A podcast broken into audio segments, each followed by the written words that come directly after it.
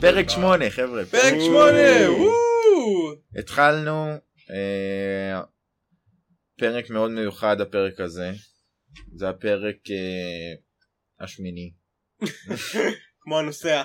כמו הנוסע. נכון. או כמו הנר השמיני. נייס. כמו אה, עצרת.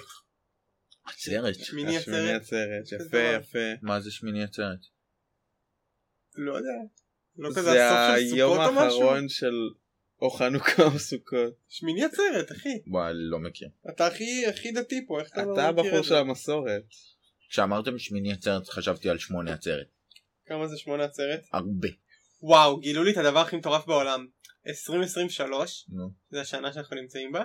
זה 2 ועוד 0 ועוד 2 ועוד 3 כפול 2 בריבוע ועוד 0 בריבוע ועוד 2 בריבוע ועוד 3 בריבוע בריבוע. הזוי. מי חושב על הדברים מטורף. האלה? מי חושב על זה? לא יודע. יש את הסיפור ההוא על המתמטיקאי ההודי הזה אתם מכירים את זה? שמעתי. זה איזה מתמטיקאי הודי שהוא כזה הוא היה איזה ילד כזה ממש prodigy גאון בהודו. אני אני לא זוכר את השם שלו הוא כאילו ממש מפורסם הוא כתב כזה מלא דברים שהם ממש כאילו לומדים היום. אשכרה, כזה תואר אוקיי. במתמטיקה. והוא היה מתכתב עם איזה פרופסור בבריטניה ואז מתישהו הפרופסור בבריטניה הזה הסיע כאילו הטיס אותו מהודו לבריטניה.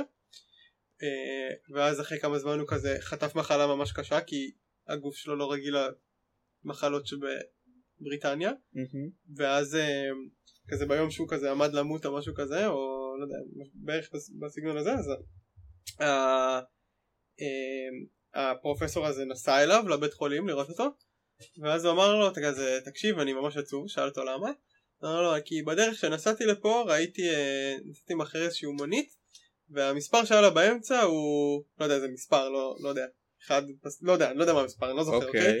ואז הוא אמר לו כזה והייתי ממש עצוב כי כאילו אין שום דבר אה, מגניב במספר הזה. ואז, אה, וואי, איזה מחשבה, אחי. ואז הוא אמר לו לא נכון זה אה, המספר הראשון שאפשר כזה אני, אני לא זוכר בדיוק אבל זה כזה המספר הראשון שאפשר לייצג בשתי דרכים עם רק מספרים במעלה שלישית משהו כאילו משהו הזוי איך שולפים את הוא הדברים האלה? שמח אה? מזה? ואז הם כאילו ממש שמחו וקוראים למספר הזה על שמו אשכרה. אוף, אני ממש עצוב שאני לא יודע את המספר, אבל אם אני אזכר בחוקיות אנחנו נוכל לעלות עליו, אבל זה... אני חושב צריך ש- לעלות שני מספרים ב... נראה לי שזה שני מספרים, המספר הכי נמוך שאפשר להגיע אליו משני מספרים שונים שמתחלקים, משתי שלשות שונות, כאילו מעלה שלישית של מספר, של מספרים שמתחלקים בשלוש. וזה והוא נראה לי פשוט כזה, שלף את זה. כן, וזה נראה לי כזה, או זה יוצא כזה או ש- שלוש בשלישית ועוד 12 בשלישית, או תשע בשלישית ועוד שש בשלישית, משהו, לא, לא זוכר בדיוק. אה, 12 בשלישית כפול ש... זה שתי מיליון ארבע... סתם. טוב. מה הנושאים? ככה אה, נתחיל ישר? אפשר רגע להתקשקש. אני רוצה אה, להגיד מראש למאזינים שלנו שאני אה, שיחקתי כדורגל עכשיו ואני קצת פצוע אז אם הם שומעים אה, הנחות או אותי נאנק בכאבים באמצע הפרק אני מתנצל מראש. כן, ואני מתנצל על זה שאכלתי עוגיות בפרק הקודם. אתה צריך להתנצל גם בפנינו. האמת ששניטקין שלח לי אה, שניטקין שלח לי משום מקום כזה בואנה מי זה הדפוק הזה שאכל משהו בשקית ישר בהתחלה של הפרק זה אני, זה אני. כן, אני. אקח את האחריות למרות שתכלס מנור אשם כי הוא הביא לי את העוגיות. כן אה, לחלוטין זה אשמתו. מנור שליין מהפרק הרביעי. מהפרק ה... ואני מתנצל. ושניטקין מהפרק ה... מי יודע. אה, האמת ששניטקין אמר לי הוא שהוא רוצה לבוא, אולי הוא. יבוא, אולי הוא יבוא לפרק הבא. מגניב. אתה מוזמן אם אתה... מה עם מאץ? מאץ אמר שיש לו כבר נושא והכל והוא... אנשים הם לא אחראים, תאמין לי. צריך לקבוע הם את שמים המראש. את הלימודים קודם, איי, או איי. את החברות שלהם. מעניין מי זה מי. אני- אני אתנצל בזה שאני קצת צרוד. הייתי במשחק הכי טוב שאי פעם ראיתי ביום ראשון. אה נכון, אה, תספר ל- למאזינים שלנו. מה איזה משחק? מה? חזרתי אתמול מלון ממנצ'סטר. אשכרה. אני ראיתי את אה, דרבי של סיטי נגד יונייטד. אני אוהד יונייטד מושבע כל חיי. אה, ירשתי את זה מאבא. ואחרי זה שנתיים שלא ניצחנו דרבי, היה אתמול אה, קאמבק מטורף. מה אתה אומר? סיפ- כמה כמה? סיטי הובילה, אני חושב, דקה 60, 1-0, ואז תוך... אה, איזה שלוש דקות או משהו. היה כזה שתי גולים בהפרש של 4 דקות, של יונייטד. איזה אה, כיפה, איזה אווירה באוויר. היה אווירה מטורפת באצטדיון. אה, וואו. כזה, נשארנו הרבה אחרי גם. אשכרה. וואי. אני ראיתי את המשחק הזה רק בשביל נדב, וכזה ממש רציתי שיונייטד ינצחו, הייתי כל כך אימושיונלי אינבסטד במשחק הזה, קטע. רק בשביל נדב. זה גם קטע שאבא שלך אוהד יונייטד ואתה גם אוהד יונייטד. אולי זה אפיגנטיקה. לא נראה לי, זה דווקא לא נראה לי. פחות, אולי זה... איך קוראים לזה? אפי די.אן.איי. אפי-DNA. אה, אז זה- אגב אה, כתיקון ל- לפרק שדיברנו על אפי-DNA, אז אוקיי. זה לא נכנס כשינויים ל-DNA, אבל זה כן דברים, תכונות שאפשר לראות אה, לאורך הדורות, זה פשוט לא נכנס ל-DNA. אין שינוי ב-DNA עצמו. אה, כן, זה, יוש... זה ש... שכבת חלבונים נוספת שיושבת ליד ה-DNA. זה, זה שלך. בסדר, אולי תתקן אותי בפרק. אולי בפרק הבא. צריך לעשות אה, זה, יש, אה, וואי, יש סדרה ביוטיוב, סדרה מעולה, זה שעשועון חנונים, שקוראים לו M actually, שזה בן אדם מקריא אמירה על איזה משהו מגה חנוני, כאילו מגה חנוני, כזה פרודו הלך עם זה כדי להשמיד את הטבעת ובלה בלה בלה, כל מיני כאלה. ואז הוא נותן את האמירה, ואז ה- ה- האנשים שהמתחרים צריכים להגיד, הם actually, הפרודו זה רק בגרסת במאי, הלך לזה ופה ושם, וכל מיני כאלה, ואז הם אה, מרוויחים את הנקודות. וואו זה נשמע שובר. מצחוק. אז מדי פעם הם כזה עושים טעויות, ואז הם בסוף כל פרק הם אומרים את הטעויות מהפרק הקודם. אשכרה. לי היה רעיון מטורף לשעשועון. לא מאמין שאני ככה חושף את זה לכולם, אבל הרעיון הוא שהמתמודד מראים לו שערה מגוף של גבר, ואז הוא צריך לנחש מאיפה היא באה.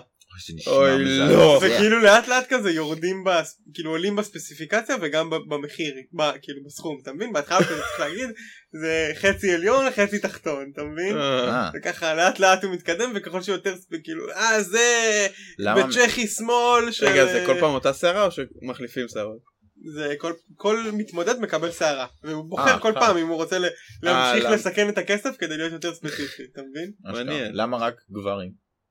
גם לא, לנשים יש שערות. מתמודד זה אה למה רק שערה מגוף של גבר? כן. כי זה פשוט יותר סביר כאילו לא יודע מה? אתה יודע שהן מורידות את זה, זה גדל להם. נכון אבל נו, זה בגלל דווקא שהן מור- יותר מבלבל. אבל בגלל שהן מורידות את זה אז נראה לי שלאדם המ- הממוצע יש פחות ידע כאילו אתה מבין? זה, נו יופי. צריך מה שיהיה להם יופי פחות ידע. צריך שלאף אחד לא יהיה סיכוי להצליח אחי, אתה לא... אני חושב שזה צריך להיות שוויוני. אני פשוט, אני, ה- המוטיב שלי, המוטיבציה שלי לזה זה שכזה, אני תמיד נתקל בשערות ואז אני כזה, זה טלבט, זה Mm. מה בצ'כי, אין לדעת, מתי זה קורה הסיטואציה הזאת? כשאני רואה שערה, כשהיא לא בשירותים, שערה סוררת? כשאתה הולך ברחוב ולפתע שערה... לא, כשאני לא, רואה שערה במיטה, אני לא יודע, אני לא מרגיש שאני חווה את, ה... את אותה סיטואציה. אתה ישר יודע אין אופק. לך שערות אופק, אני לא מסתכל על... אה, לא, אני לא נתקל בשערות ביום יום, כאילו ביום יום בצורה כזאת. לפעמים יש... אה, אה, מגולח? אם יש שערות שאני רואה אותן בכיור, אז זה כנראה שערות מהזקן שלי. אם יש שערות במקומות אחרים, לא יודע, אני מניח לפי הסיטואציה מאיפה הם הגיעו. אני לא... ואם הם אבל? אתה מניח.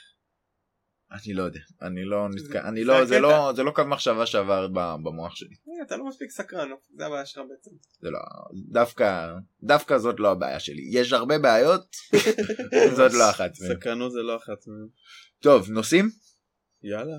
יאללה, אני אחרון, אתה...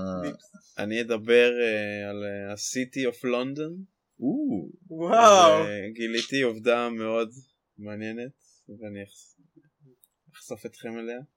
על ה-City of London.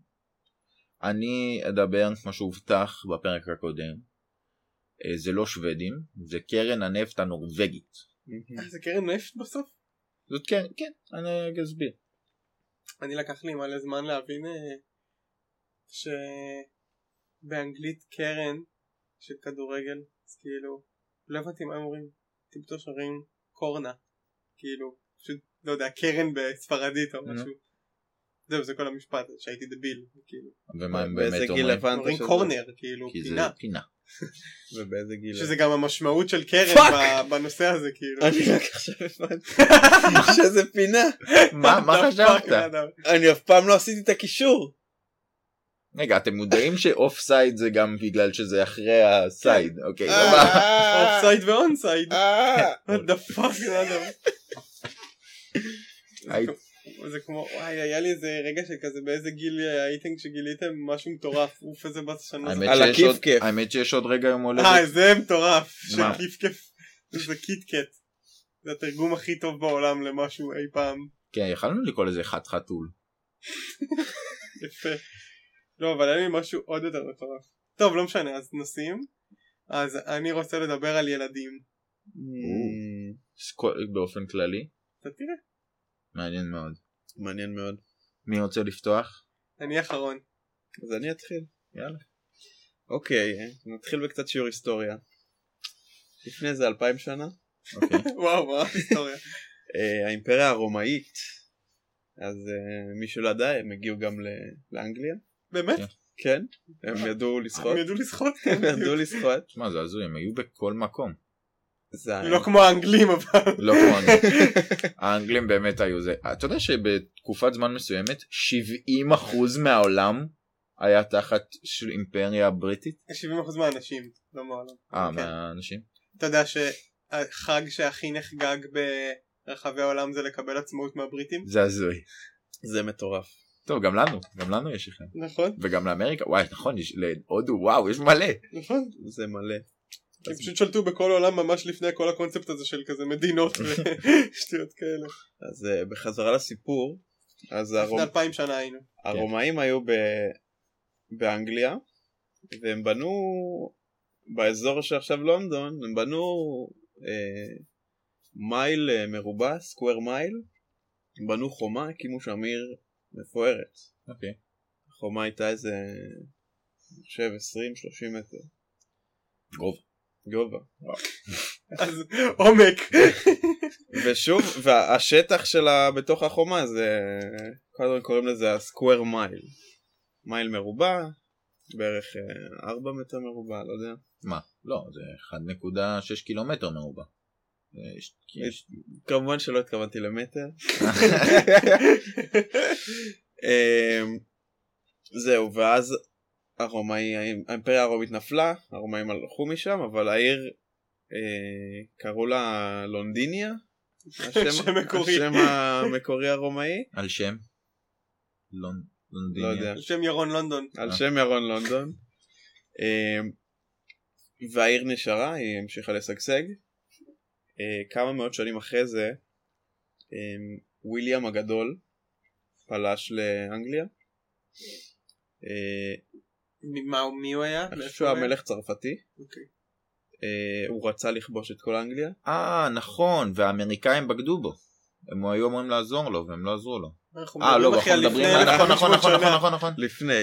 תתעלמו תתעלמו ממה אתה מנסה שאמרתי. לדבר על העלילה של המילטון? נזכרתי בעלילה שלהם. אתה יודע שזה אה, המילטון הוא המציאות. לואי כן. נראה לי. אל לא? תעשה לי ספוילרים להמילטון. לא ראית המילטון לא? ראיתי המילטון. חבר'ה זה היסטוריה אין פה ספוילרים. אבל כל הקטע שאף אחד לא מכיר את הסיפור של המילטון. זה ליטרלי כן, אבל הקטע אנשים של מכירים המחזה. את הסיפור של אה, ההכרזה של ארצות הברית. בסדר אבל אפשר להפסיק עם כן. ספוילרים, זה המילטון. אה, אז בחזרה לסיפור, וויליאם הגדול, שמתואר כבחור עם חרב ממש גדולה, אוקיי. פלש בשם וויליאם. בשם וויליאם, הוא פלש לאנגליה, התחיל לכבוש את כל המקומות, באמת, הוא הוא היה בחור טוב, רצח הרבה. אה, זה קצת מפשט את הסיפור, כי היו עוד צדדים, היו גם הנורדים אני חושב. כן. אה, פלישות של הוויקינגים. נכון. נכון, נכון. אבל הם פלשו גם לפריז. הוויקינגים היו מגניבים, אה, וויליאם הגדול כבש כמעט את כל אנגליה, ואז הוא הגיע ללונדון, הוא ראה חומה ענקית, מה אבל זה באמצע. סיטי אוף לונדון. הוא היה מכל המסביב, הוא כבש את כל המסביב ו- והוא הגיע, ל- דרך מוזרה הוא. הגיע ל-. לחומה הזאת, אה, והוא אמר אה, וואלה זאת חומה גדולה, אה, אני לא אצליח לכבוש אותה, והוא קראת איתם שלום, הם הגיעו להסכם כזה קצת מוזר, הרבה, חלק מההסכם הוא כזה, לונדון נשארת לונדון, אבל הם מכירים בוויליאם כהמלך שלהם, ועוד חלק מעניין שוויליאם חייב לבקש, לבקש אישור בשביל להיכנס לעיר. Mm, תזכרו את הפרט הזה. אוקיי. אמ, ואז היה The City of London בתוך כל הממלכה של וויליאם. עכשיו וויליאם הזה תכלס איחד את כל אנגליה אה, ומפה לשם זה הפך להיות יונייטד קינגדום. אה, הוא כבש את כל אירלנד, ויילס, אה, אה, אנגליה ומי הרביעית? צפון אירלנד. צפון אירלנד. אז אני לא יודע אם הכל זה... לא. סקוטלנד, סקוטלנד. אז מי אמרת? אמרתי אירלנד. אה אוקיי. אוקיי. Mm. אז זה צפון אירלנד. אני לא יודע אם הכל זה מעשיו שלו אבל אה, הוא, אני מה יודע שהוא איחד. הרבה מה, מאנגליה בעצם. ואז fast forward אלף שנה מסתבר רגע באיזה שנה אנחנו? אה, כיום אה אוקיי. אה, אז, אז מה שמסתבר זה שהסיטי אוף לונדון זה עדיין קיים? זה סקוואר מייל בתוך לונדון אשכרה. וזה אשכרה רשות מוניציפלית משל עצמה. הם, יש להם כזה משטרה משלהם, יש להם the, the lord mayor משלהם, what the fuck? יש להם כזה, והם ממש נשארו עם מלא legacy, איך האנגלים האלה אוהבים מסורות? הם לא אוהבים, הם. אוהבים. הם נשארו עם מלא legacy, אה, מגניב. אה, מי שגר ב City of London זה בסך הכל 11,000 איש. אה זה המון. אה, ב square mile. זה, זה ב square mile. אה, אולי יש בניינים. יש, יש בניינים. כן אבל זה עדיין. ו- ותזכרו, יש uh, בערך חצי מיליון אנשים שעובדים שם כל יום. מה? זה ממש מרכז זה תעשייתי. כאילו. אז הסיטי אוף לונדון זה ממה שראיתי הם כאילו זה מכניס אה, כל כך הרבה כסף כאילו זה כזה כל ה-exchange center אה, היה שם כזה זה היה עיר מאוד מאוד עשירה לאורך כל השנים אה, ועכשיו זה כאילו ל- לסקוואר מייל זה כזה בין העיירות הכי עשירות אה. שיש אה, ואני אספר קצת על איך בוחרים את המיור שלהם את הלורד מי. את הלורד מיור אל יש עוד. כמה אל תזלזל. יש עוד שתי מילים לפני שאני לא זוכר זה לא רק לורד מיור אבל הם נשארו כזה בגלל שיש להם חוקים משלהם הם לא בדיוק כפופים למלך כאילו הם כפופים למלך אבל אה אה, אני, אני אזכיר שאם צ'ארלס רוצה להיכנס לסיטי אוף לונדון הוא צריך לבקש אישור מהלורד מיור. כן. אמ, ואז יש את הלורד מיור. זה- הוא נבחר פעם בשנה. מה? אה, כיום מכהן בחירות הלורד... דמוקרטיות? כן, לא בדיוק, אני אני אה, אכנס אוקיי, לזה. אוקיי, אבל עכשיו מכהן הלורד מיור ה-650 אוקיי. וכזה לא יודעים. מתי זה התחיל כזה זה פשוט תמיד הייתה The City of London. אמ, וזה פעם בשנה ואיך שזה עובד זה שעדיין יש מלא מעמדות שנשארו מפעם כלגאסי אז כזה אתה חייב להיות בגילדה קודם ואז כשאתה בגילדה אתה יכול לקבל מעמד של פרימן או, יש לי יש לי. עובדה מעניינת על גילדות. אני אגיד אותה אחת. נגיע לזה עוד על מעט? כן, תגיד אותה גם. לא, אין לי באמת. יש לך כמה דקות לחשוב על זה אני יכול אה, להמציא עובדה. ואז להתנצל בפרק הבא. ואז אחרי שהתקבלת לגילדה וקיבלת אישור להיות פרימן זה איזשהו צו כזה אתה יכול להתמודד לאיזשהו להיות כזה אחראי על איזשהו סקטור בסקוואר מייל הזה יש 25 landlords כאלה אני חושב ואז מה landlords האלה הם פעם בשנה בוחרים שני שריפים אה... משלהם אוקיי, אני חושב שאני יודע מה אתה מדבר. הם, הם, הם עושים election רק ה-25 האלה לשני שריפים בשנה שזה מ- מהם? מהם מתוך 25. כן כן ואז אחד מהשריפים הופך להיות mayor פעם בשנה יש להם כזה טקס ממש מפגר שהם נוסעים באוטו פעם זה היה כרכרה עם הלורד מאיור הקודם אה, כאילו הנכנס והיוצא וצריך להיות אה, מישהו שלישי. כן צריך להיות כזה third party. ומה שקורה זה שהטקס עצמו זה כזה, הלורד מאיור ה- העכשווי מבקש את מפתח העיר מהקיפר, מהבחור השלישי, הוא נותן לו את מפתח העיר, הוא מעניק ללורד מאיור החדש את מפתח העיר. זה מפתח ענק כזה? לא, לא. מפתח רגיל? כן, כן, אני זה- מפתח ממש מאפן. ואז רגע זה ליטלי אבל המפתח של העיר? יש שער יש לעיר? שער שזה פותח או אני לא חושב ש... שזה משהו סמלי כאילו? אולי הלוואי שלא. אולי פעם זה פתח שער. אוקיי. ואז הוא פשוט, ואז אה, הוא מעביר את זה ללורד מאור החדש, ואז הלורד מאור נותן את זה חזרה לאיש השלישי ואומר, תשמור את זה לעוד שנה. אמ, כן, ועוד קצת סטטיסטיקות, הם כזה ממש, מי שנבחר זה תמיד CEOים, וכזה, זה בגלל שכזה, זה סטטוס. אז לא בדיוק סטטוס, אבל בגלל שהעיר כל כך סביב כסף, הרי חצי מיליון עובדים שם ורק עשר חיים שם, אוקיי. אז השיטת אה, בחירות שלהם, למי שיש הכי הרבה כוח הצבעה, זה לחברות הגדולות. זה כזה, יש 20 אה, מנדטים אה, ב- במרכאות. אז אתה יודע למה אני חושב שזה? כי יש קטע מוזר באנגליה שהשיטת כמו שיש בארצות הברית שלמדינות יש אה, אלקטורים. כמו אלקטורים מהמם. אז ב, ב, באנגליה גם יש להם סוג של אלקטורים שזה תלוי השטח.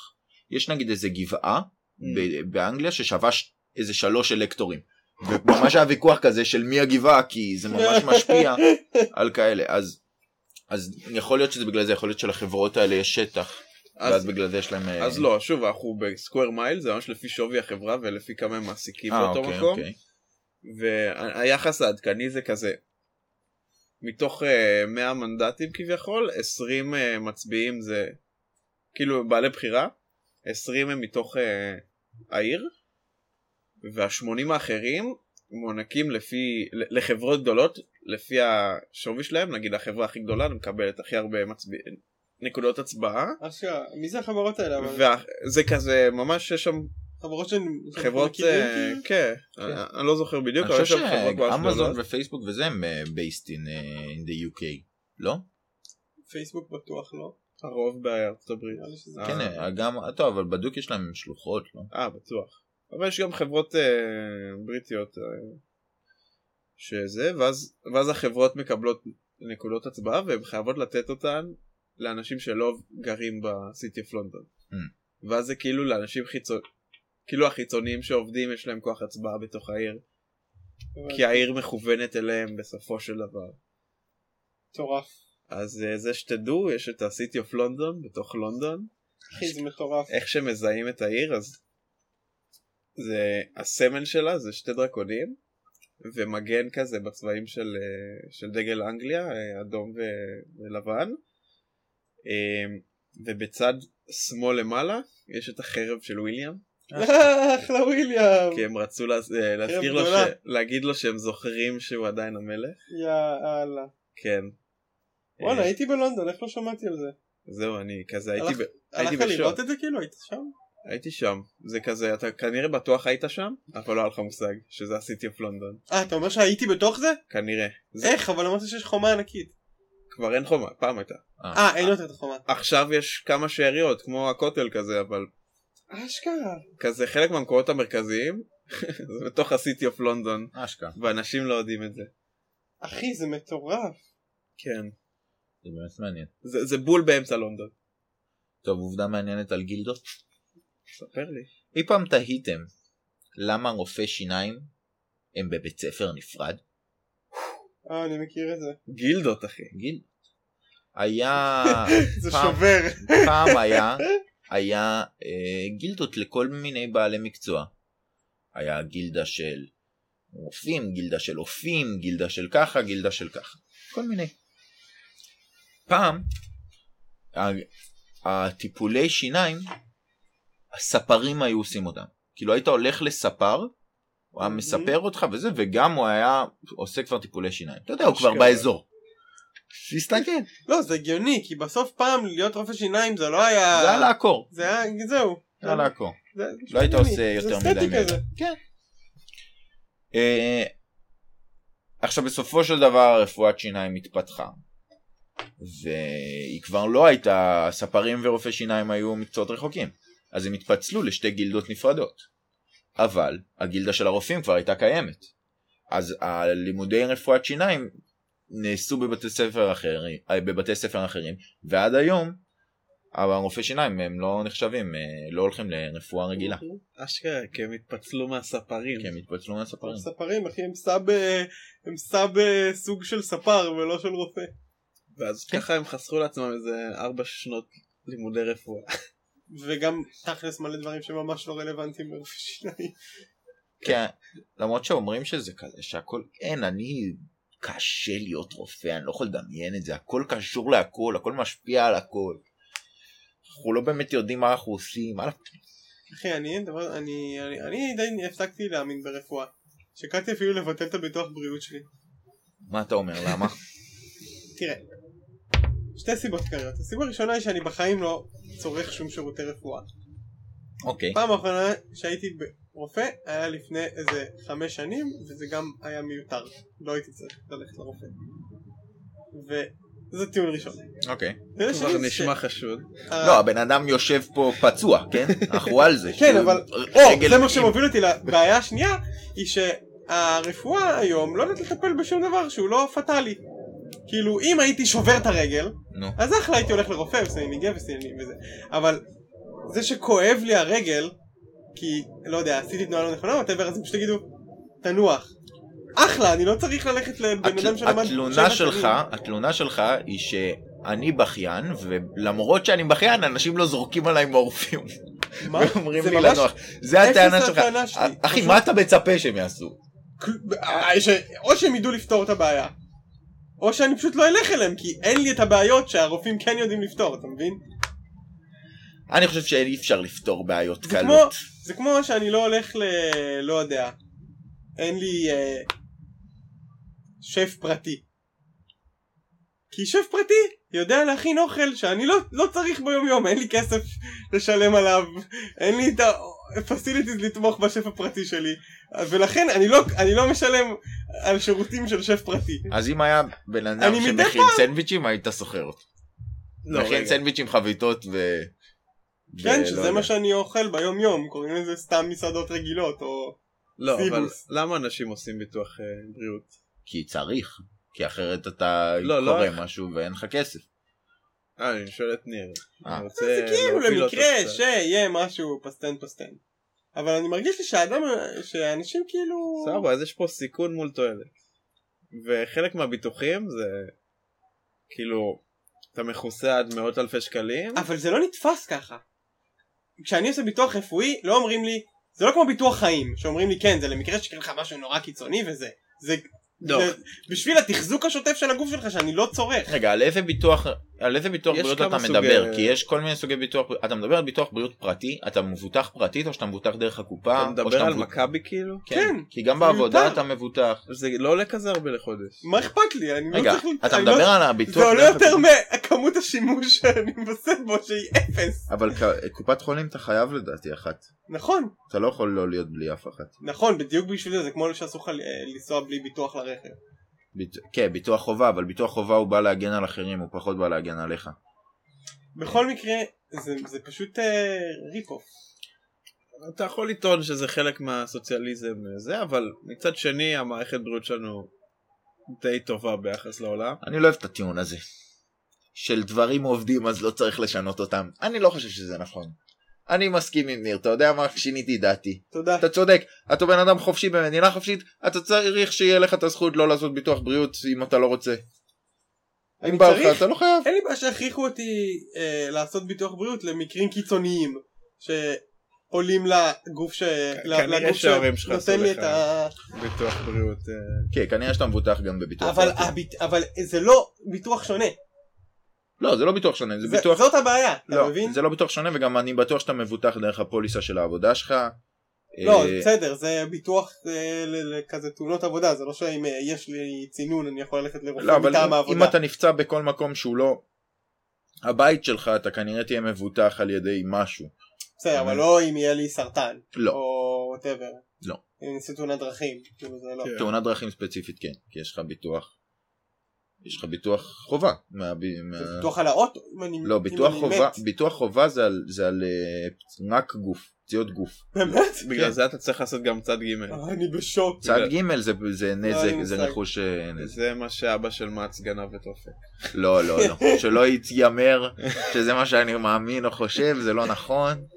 הוא עשה לי דיל והוא התנהג אליי יפה מאוד.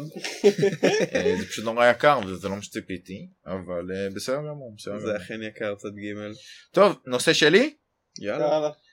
אז uh, כפי שהבטחתי, uh, אני אדבר על uh, קרן העושר של נורבגיה, שנקראת קרן הנפט. בעיקרון הם שינו את השם, הם כבר לא קוראים לזה קרן הנפט, אבל uh, זאת קרן של נפט. בואו נתחיל מאיך היא נוצרה בכלל. בגדול, בגדול uh, כל מיני מדינות שיש להן נפט רואים באופן ישיר שהן נפגעות הדמוקרטיות שלהן. המדינות ששולטות בנפט, דמיינו אותם עכשיו, זה ערב הסעודית, רוסיה, כווית, זה, זה מדינות אה, עם ארצות דמוקרטיה. הברית. אוקיי, אני אדבר. ארצות הברית, ארצות הברית וקנדה הם יוצאי דופן, זה אבל כאילו- הם, הם דמוקרטיות. אפשר להגיד שהדמוקרטיה זה מה שהציל אותה מהנפילה של, ה, של הנפט, אה, שהנפט גורמת, אבל אה, כנראה שזה לא הגורם היחיד. יש, יש אה, נורבגיה בשנות ה-50-60 הייתה מדינה מאוד ענייה. היא הייתה מדינה של, של כאילו חוואים, לא חוואים, אנשים, חקלאים. חקלאים. חקלאים. מהמם. חקלאים. לא היה להם כסף, והאנשים שהם שלחו לעשות סקרים ל- לשטחים שלהם, אמרו שכנראה לא יהיה נפט או, או גז שם.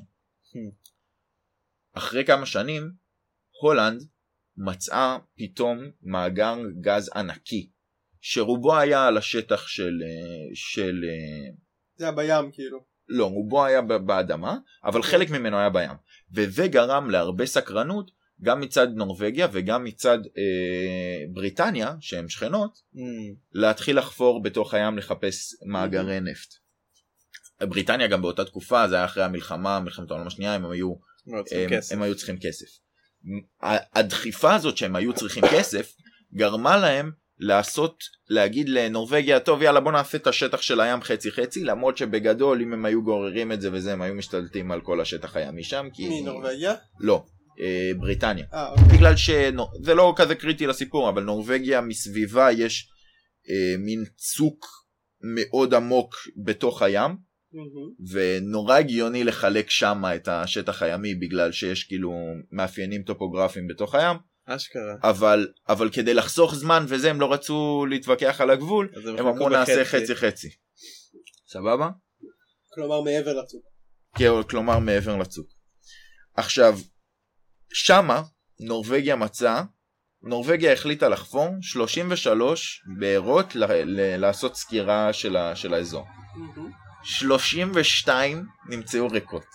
וואו. רק האחרונה, אשכרה. רק האחרונה נמצאה בנפט, וזה היה המאגר נפט הכי גדול שאי פעם נמצא בים בכל העולם. לא עד היום. מאמין לך. וואו. אגב, למה זה, שוב, זה עוד עובדה, היא לא כזאת קריטית לסיפור, אבל זו עובדה קטנה. רוב, רוב המדינות מגבילות את הכמות חפירות בכסף. הם אמרו, לא, אתם חייבים לחפור עד עומק מסוים בכל החפירות שלכם. ואז המד... החברה שזה הייתה חייבת לחפור גם את האחרון כדי לעמוד בחוזה שלהם, ובמקרה לגמרי. אבל בגדול אם הם היו עושים את זה כמו שאר המדינות, הם לא היו אפילו מוצאים את הנפט. אה, הם מצאו את המאגר נפט, הם מושכים ברמת המיליון נקודה שבע חביות נפט כל יום מהמאגר הזה. זה נשמע כמו הרבה. אתה יודע זה איך זה לעומת. הסעודים או משהו? הסעודים יש להם יותר, יש להם אזור ה-2.4, אה, אבל זה באותו אזור כאילו. אבל אה, זה באותו אזור, אבל נורבגיה היא, היא מאוד קטנה גם, כאילו גם ערב הסעודית ספציפית אין בה הרבה אנשים, אבל היא מאוד קטנה. בערב הסעודית לעומת זאת, אה, העושר הזה הוא לא מחולק באמת לציבור. אה, לא, ברור. שם זה לא דמוקרטיה. אה, אז הם החליטו להשתמש בנפט הזה כי הם היו מדינה של חקלאים והם היו אה, צריכים את הכסף בשביל לבנות בתי ספר רחובות דברים כל מיני דברים. התחילו להשתמש בכסף. אה, השתמשו בכסף, השתמשו בכסף, הכסף עלה, באזור 1985 פתאום מחיר הנפט התחיל ליפול לרצפה. אבל הנורבגים היו מוכנים. רגע, למה הוא נפל לרצפה? כל מיני שינויים בזה, מחירי נפט עולים ויורדים. עכשיו בקורונה היה, היה נפט שירד למינוס כסף, שזה גם נושא מעניין, אבל פחות אה, רלוונטי כרגע. וואי, למרות שזה סיפור ענק, לא משנה. אה, והם החליטו לעשות קרן, אוקיי? הקרן הזאת פועלת ככה. אסור להם להשתמש בכסף שהם משתמשים, שהם מקבלים מהנפט. הם חייבים לקחת את כל הכסף הזה, להשקיע אותו בקרן. הקרן הזאת משקיעה בכל מיני אה, חברות ותעשיות בעולם. החברות והתעשיות האלה חייבות להיות עומדות בכל מיני חוקים, הם לא יכולים להשקיע בנפט, כי mm-hmm. כמובן אם הכסף בא מנפט הם לא ישקיעו בחברות שהן משתלטות כן, הנפט. באופן כללי הם לא, הם בגלל שהם נורא סוציאליסטים שם וזה שום דבר שקשור לנשק, זכויות אדם, והם לא מוכנים להשקיע בוולמארט. שמעתי שזה לא באמת סוציאליזם. יפה מאוד, יפה מאוד, הם ליברל דמוקרטים. אה, והם מוכנים והם רוצים אה, משתמשים בכסף הזה רק כדי להשקיע והם משקיעים מאוד מגוונים הם שווים 1.4 טריליון דולר הם החברת הש... הם קרן השקעה הכי גדולה בעולם מטורף יש להם כבר יכולת שליטה על השוק לא נורמלית הם מחזיקים בערך ב-20% מההחזקות באירופה זה שלהם. 20% בחברות הגדולות בחברות הגדולות. וואו. אה, ואגב אני רק רוצה להכניס את זה לפרופורציה. 1.4 טריליון דולר אומר שהם ש... ב- ו- ובמדינה סך הכל יש בערך חמישה מיליון אנשים משהו כזה. הם יכולים לתת לכל אחד 250 אלף דולר שעם המחיר כמה עולה לחיות בנורבגיה כרגע הם יכולים לחיות כל בן אדם שבע שנים שבע שנים רק אם הם היו מפרקים את הקרן הזאת ו- וזה. עכשיו לא דיברנו על מה הם עושים, אבל הם משקיעים את הכסף. מה הם עושים עם הכסף? הם משקיעים את הכסף, ומותר להם לקחת מהרווחים, אחרי חישוב עם אינפלציה, רק 3% מהרווחים, אוקיי? רק 3% מהרווחים, תשואה של 3% על ההשקעות שלהם בעצם, אוקיי? סליחה, זה לא 3% מהרווחים, זה 3% תשואה שמותר להם לקחת, אתם מבינים את ההבדל, נכון? כן. לא, לא 3% מה... לא, אוקיי, תשואה לא... של 3% זה תשואה מה של שמותר להם 3% לקחת. מותר להם לקחת, בדיוק. אוקיי, בסדר. אמ, שזה המון. שזה... הם שווים מה-1.6 טריליון כן, דולר. לא, הם גם, הם, זה כל כך חכם, בגלל הגיוון.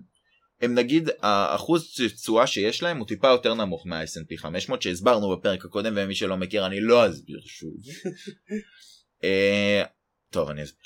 לא, זה אל ה-500 חברות הכי גדולות בארצות הברית. אז המחיר תשואה שלהם הוא אמנם, התשואה שלהם היא, היא טיפה יותר נמוכה, אבל הם מגוונים פי 18. זה אומר שהם הרבה הרבה הרבה יותר בטוחים. גם בקריסה הכלכלית שהייתה ב-2008 שכולם הפסידו והקרן עצמה הפסידה 23% מהשווי שלה. אהה. 23% מהשווי, זה לא היה כזה ביג דיל. כי הקרן מושקעת 40% במניות, 60% באג"חים. אגרות חוב, זה השקעה בעצם ב, ב, במדינות יותר. אתה יכול, אתה משקיע, נותן כסף למדינה והמדינה מבטיחה לך להחזיר את הכסף בעוד 10 שנים, 15 שנה, לא משנה. עם תשואה מסוימת. בגלל שהם 60% היו מושקעים באג"חים, כשהייתה את הקריסה הכלכלית וירד להם, הם אמרו מצוין, פשוט נקנה עוד מלא מניות. כי, כי רק, 60, רק 40% היה מניות, אז הם קנו עוד מניות והם, וה- והם עשו תשואות מטורפות מהנפילה הכלכלית הזאת. וואו. הם גם ידעו לי, ל- לשמור על הנפט שלהם. הרבה פעמים, נגיד בארצות הברית, ארצות הברית באה לבריטניה ופשוט גנבה, בגדול גנבה להם את הנפט. היא הביאה, היא הביאה חברות, אמרה אנחנו נעשה, אנחנו נעשה את החקירות ואת החפירות ואת הדברים, אבל כאילו זה היה קיצוני. הם, הם הכריחו אותם להחשיב חברה אמריקאית שוות ערך לח, לחברה בריטית. כאילו מבחינת הזה, הם לא יכלו למסות אותם יותר או דברים כאלה. אה, והחברות האמריקאיות האלה היו ממש נעולים על כזה איך שהם. מזכירים אה, איזה אנשים, כאילו היה אסור ללבוש נעליים לא אמריקאיות על האסדות. ברמה הזאת, כאילו הם, הכ- הם הכריחו שהכל יהיה מגה אמריקאי. וה... והנורבגים לא, לא אכלו את זה, בגלל כל מיני סיבות, אבל בעיקר בגלל זה. והם החליטו שהם מה שהם עושים, בגלל שהם סוציאליסטים והנפט שייך לבן אדם, לעם, יש, היה 100% מס על הנפט שהוציאו בהתחלה. והנפט היה רק מולווה לחברות פרטיות בשביל שהרווחים יהיו, בשביל שיחפרו. אשכרה.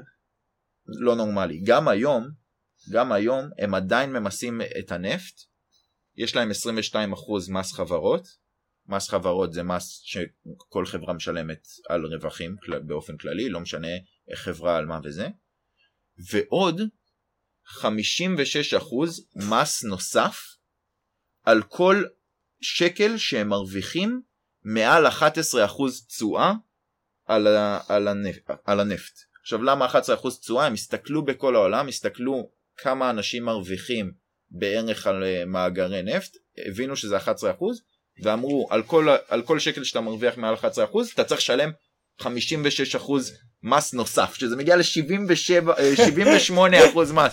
הם אוהבים מיסים, כן. לא נורמלי. אגב, עוד מעט נקשר את זה לישראל ונבין איך הדבר, כל הדברים האלה משפיעים עלינו.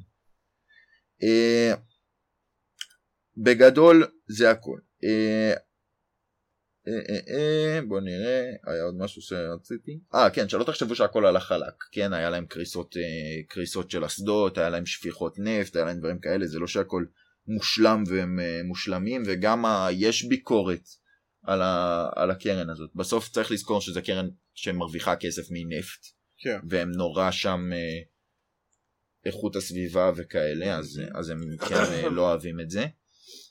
ו... והקרן גם בגלל שזה כל, מביא כל כך הרבה כסף לנורבגיה והם מדינה עשירה בטירוף הזה פוגע קצת בכלכלה במקומות אחרים אבל באופן כללי הם ניהלו את זה מצוין אה, ועכשיו טיפה נקשר את זה נקשר את זה לארץ ולמדינה okay. אוקיי. שלנו סבבה?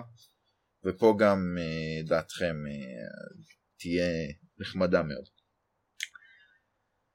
כרגע בארץ יש כמה דברים. אחד, יש לנו מאגרי טבע שמכרנו לחברות פרטיות, כמו ים המלח שמכרנו לחברה פרטית כדי לממן את המדינה שלנו בהתחלה, וגם יש לנו מאגר גז שמצאנו מאגר לוויתן, mm-hmm. והמאגר שהולך להיות באזור לבנון. עקרונית גם לנו יש קשר, קרן עושר על, ה, על הגז. בגלל ההסכמים הקואליציוניים שאין כסף ביבי רוצה לקחת כסף מתוך קרן העושר שזה בדיוק הפוך מהרעיון של הקרן הזאת שזה על פנים וגם אה, וגם ים המלח אז עשו האמת שעשו את זה כבר. רגע למי שייך ים המלח? לחברה פרטית לקרן מלח אני לא יודע את השם אבל עשו שינו את המס באמת עכשיו מעל 11% תשואה יש יש אה, אקסטרה מיסים אני לא יודע להגיד שזה 56% כמו בנורבגיה. אוקיי. Okay. אה, אבל הקונספט הזה של, של קרן עושר הוא מאוד ישים גם במקומות אחרים. נגיד, אנחנו משלמים ביטוח לאומי. Mm-hmm. הביטוח הלאומי הזה הולך ומושקע רק באג"חים כדי להילחם באינפלציה. Okay. אוקיי. אבל למה לא לעשות אותו גם השקעה במניות? זה טיפה יותר עסקי, אבל זה יאפשר, זה, אני, אני, כרגע לפי התחזיות לא יהיה מספיק ביטוח לאומי לאנשים. יש אנשים שמאשימים את הקורונה וזה, אבל כנראה זה, זה לא המצב. וכל ש... מיני דברים. כאילו מצבורים ממשלתיים ש... אתה חושב שבאופן כללי צריך פשוט להשקיע. כן. את הכסף של המדינה. בדיוק. כן. ולעשות וממש להיות זה כי אנחנו לא... אני חושב שהבעיה שמשתמשים בו. כאילו. נכון. הוא הולך לדברים ואז משתמשים בכסף אז כאילו מה תעשה. אבל לא, ביטוח הש... לאומי. השאלה כמה כסף יושב של ביטוח זו, לאומי. השאלה כמה כסף יושב. ברגע נתון. כאילו הפנסיות כן מושקעות כן. אה, הפנסיות בוודאות מושקעות, אנשים גם חיים יותר. זה טוב, זה לא באמת שיגמר הכסף, או שיהיה פשוט אקסטרה אינפלציה, או שפשוט אה, יהיה מיסים יותר גבוהים כדי לממן, אה, כדי לממן את הפנסיות של אנשים. אבל האם אי אפשר טיפה להילחם בזה על ידי השקעה יותר חכמה של הכסף שלנו? שמע, עובדתית אז היה יורד מלא כסף בשנתיים האחרונות. מה? מה זאת אומרת? אם הכסף הזה היה מושקע במניות אז היית מפסיד 20% ממנו אה כן כן זה נכון אין ספק שזה יותר ריסקי. עוד יותר היית מחפיר, מחרים את מחמיר את הבעיה. כאילו, דווקא אם אתה צריך כביכול את הביטוח הלאומי במצבים של משבר, אז הדבר הראשון לא, נכון, שנופל שזה במצבים נכון. של משבר זה שוק המניות דווקא. נכון, אני מבין מה אתה אומר. אני חושב שב... אבל שיש אבל- דרכים לפתור את זה. אבל ברור שאם היה איזשהו מנוע חכם ששומר על 40% מניות, ואז במשבר הוא מאזן את ה-40% מניות עם עוד מניות, תשמע, יש גם בעיה עקרונית שצריך לזכור מי המשקיעים. המשקיעים זה נבחרי הציבור, נבחרי הציבור שלנו הם לאו דווקא המשקיעים הכי טובים. גם בנורבגיה אותה בעיה, כן? אה, הם הביאו בין אנשים לנהל את הקרן אה, וכאלה, אבל כאילו, בסוף, שמעתי דווקא שהם מתחילים לעשות לנו בעיות עם, ה... עם הבנייה הלא חוקית. מי? הקרן. הנורבגים? הם רוצים לה, כאילו להפסיק אה, השקעה בחברות ש... הם, הם כן, הם שמוכרות- ממש נגד פגיעה בזכויות אדם.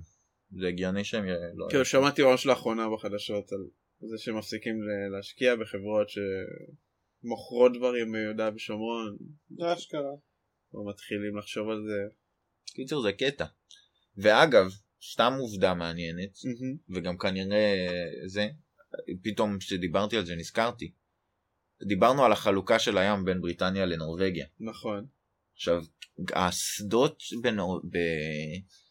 בבריטניה, גם חלק מהם מצאו, חלק מהם לא מצאו, אבל חלק מהם נשארו עומדות. ועל אחת מהם בנו מדינה, שקראו לה סילנד. מה? ועל, ועל זה אני אדבר שבוע הבא, אבל זה, זה סיפור ענק על איזה שתי חברים שהשתלטו על אי פשוט. וזה טירוף. טיזר ל- טיזר, כן. לפרק 9. וואו, מטורף. רגע, דיבר לך, דיברת על משהו שהיה זמן שהמחיר נפט היה שלילי. לדבר על זה אז אפשר בקורונה בקורונה אה, מחיר הנפט לחבית הגיע למינוס כסף זה אומר שהיו משלמים לך על לקחת נפט עכשיו לכל מי שלא מבין למה? איך זה יכול לקרות או למה דמיינו את זה ככה כשאתם משקיעים בנפט בגדול אתם קונים את החביות נפט אוקיי אוקיי. עכשיו, אתה לא מצפה שהחבית נפט תגיע אליך הביתה, אין לך איך פה לאחסן חבית נפט, אתה ת- לשלם שזה ירד מהספינה וזה. אתה מניח שהמחיר יעלה וזה, אתה מוכר וקונה, כל הזמן יש דרישה לנפט, אנשים רוצים נפט. הכל טוב, אתה, בסוף מישהו משתמש בזה, חברות תעופה בעיקר, דברים. כשבקורונה לא היה איך להשתמש בנפט, כי הטיסות לא עבדו והאוניות לא זה, ואז והנפט היה לאוניות והתאריך להגיע התחיל להגיע. זה התחיל לקחת מקום פשוט. ופשוט לא היה לאנשים איפה לשים את זה. עכשיו, זה שווה ערך למטאפורה הבאה, אוקיי? אתה הזמנת זונה הביתה. פמילי פרנדלי. כן? אתה הזמנת זונה הביתה. אשתך הייתה אמורה להיות בטיול, לטייל, היא לא הייתה אמורה להיות בבית. אבל לפתע יש קורונה. ואשתך נשארת בבית. עכשיו אתה חייב לבטל את הזונה, אבל אתה לא יכול... היא אבל בדרך, הזונה אתה- בדרך. הזונה בדרך, אתה חייב לבטל את הזונה, אבל אתה לא יכול לבטל את הזונה, אתה חייב למכור אותה למישהו אחר. אבל אף אחד אחר לא רוצה לקנות, כי גם אשתם בבית, כי, הם, כי, כי יש קורונה, והאנשים שלהם בבית גם. אז אתה חייב להיפטר, אז בסוף אתה אומר למישהו, אני אשלם לך כסף, רק תיקח את הזונה, אני לא יכול שהזונה תגיע הביתה. ככה קרה, ככה קרה שהנפט הגיע זאת למחיר הייתה שלילי. אנלוגיה מעולה, מצוינת. מעולה, כן. וואו. ואנשים, אגב, יצחק תשובה הרוויח עכשיו איזה 204 אחוז על עליות מחירי כן, נפט. הוא קנה מלא נפט, ידוע. כן, והוא הרוויח מלא כסף. כן. זהו, זה היה הנושא שלי, חבר'ה, אני שמח אם, אה, אני מקווה שנהניתם. אני בטוח נהניתי. קצת להחכים. לקנות מלא נפט במצב הזה זה פשוט אה, מרגיש לי קצת אה, אכזרי. אי אפשר אבל, כי אנ- אנחנו, האנשים הרגילים לא באמת זה פשוט. להתאכזר באדם הפשוט. זה כזה, אה, אתה תקוע עם הנפט שלך ואתה לא יכול לעשות עם זה כלום, מה אתה רוצה שאני אשלח לך זה- נפט הביתה? זה אפילו לא לשלוח, אתה צריך לשלם שהוא ירד מהספינה ובא לאחסן אותו בנמל, וכל ה... גם המחסנים, כולם היו מלאים, כי גם הסחורה לא זזה. זה כן. באמת הכי הכי כאילו לנצל את הכוח שלך. וואו, אשכרה. אחלה. אני חושב שאני לא כולל שום חלק עיוני, בניגוד לנושאים שלכם, אלא בעיקר דיבור. אמ, ואני כמו שאמרתי רציתי לדבר איתכם קצת על אה, ילדים. בעיקר הקונספט כזה של אה, להביא ילדים. אמ, בוא נתחיל. יש לי כל מיני שאלות כאילו שאפשר לדון בהן בנושא הזה. בוא נתחיל ב... אתם מתכננים להביא ילדים? כן. מתישהו? כן. אחלה, יופי, גם אני. אחלה, אז בואו נתחיל מהנושא היותר, אה, לא יודע, פחות אה, רציני. מתי אתם חושבים הגיל הכי טוב להביא ילדים? אני, אני אתן שנייה את, ה, את המרחב הזה. כאילו מצד אחד אתה יכול לטעון שזה טוב להביא ילדים בגיל מאוחר נגיד, כי כאילו אתה יותר מבוסס, אתה יכול יותר לתמוך בהם ודברים כאלה. מצד שני שזה גם counter, כי כאילו, לא יודע, אה, ילדים של, כאילו אם אתה מביא ילדים בגיל מאוחר אז הם כזה לא, לא יזכו הרבה פעמים, לא יודע, להכיר את הסבים וסבתות ודברים כאלה. אה, ואתה לא תזכה להכיר כן, נכדים. ואתה לא תזכה להכיר, חסרונות. בדיוק, ואתה לא תזכה להכיר. מה אתם חושבים? אה, אני אישית חושב שעדיף להביא ילדים בגיל מוקדם. משמעותית. כמה זה מוקדם? בגדול, אם הייתי... אני חושב שהדתיים וכאלה שמביאים ילדים בגיל אה, 22 וזה, זה, זה טירוף. אבל אני לא יכול לעשות את זה, ואני לא, זה לא העולם זה שלי. טירוף אתה אומר בקטע טוב? בקטע טוב, אתה כן. חושב שזה דבר טוב להביא ילד בגיל 21? 20, 22, 20, כן, זה, תשמע, אתה, אתה פשוט לא, זה לא התפיסה, התפיסה שלנו היא אנחנו רוצים לקריירה, לבסס את המשפחה ואת החיים. אבל מה התפיסה? הדרייב אצלם זה להקים משפחה בארץ ישראל, זו תפ- זו תפיסה שאני חושב שהיא זה, ואני חושב שילדים בגיל מוקדם, באופן כללי, זה אתה יכול יותר לשחק איתם, אתה גם יותר... יש יתרונות, אה, גם, גם ממה שחוויתי קצת וגם ממה שאני קראתי בספרים שדיברו לפרקים על הנושא, כן, לא קראתי ספרים על הנושא ממש, אבל שהורים צעירים נותנים לילד שלהם לטעות ול, ולהסתכן טיפה יותר ושהורים מבוגרים טיפה יותר שומרים על הילד וכאלה ושדווקא זה, זה לא כזה טוב להתפתחות של הילד. חוץ מזה נראה לי גם כיף כשאתה צעיר וזה ויש לך ילד והוא, ו- ויש לך אנרגיות ובמקום להיות בגיל מבוגר כשאתה מתחיל להוציא ילדים. כן, אבל אתה מבין שזה בא על חשבון כזה כל החיים שלך בגדול. כן אבל אני חושב שיש יש אנשים שמצליחים לשלב וגם אתה יודע אני לא אומר שזה לא אפשרי. לא אני אומר וגם שכאילו אתה בן 20 וכל החיים לפניך. 22, whatever. כאילו. טוב, ניתן רגע לנדב לדבר, אבל אני חושב שבאופן כללי, כשיש לך ילדים, אז כל התפיסת חיים שלך משתנה, וזה מה שחשוב לך אז. ו... טוב, ת, תדבר, אני אכנס לזה יותר לעומק אוקיי. זה. אז, אז אני חושב שזה לא בדיוק עניין של גיל. כאילו, אני, אני כן חושב שמהבחינה של לצאת לך לחוות, כביכול, מהבחינה הזאת, כמה שיותר מוקדם יותר טוב, כי אתה תחווה נכדים בגיל יותר גבוה, וכל מה שמשתמע מכך.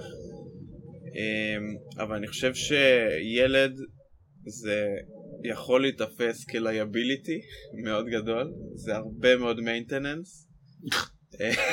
כל מילים באנגלית, אתה אוהב.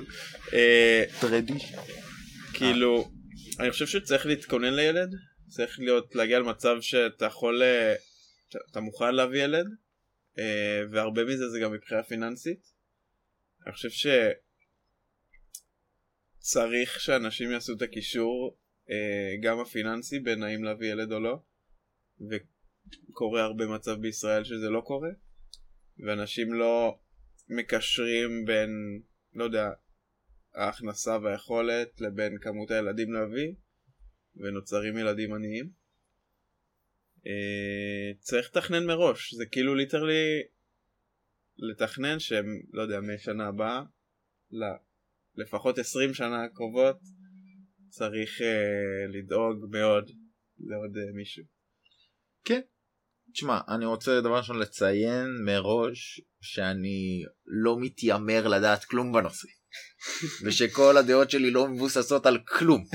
ברור. אבל אה, זה זה- זה גם הפוזיציה של כל בן אדם שמחליט להביא ילד לעולם. נכון, כאילו, שאין לו עדיין ילד. לכן זה סבבה.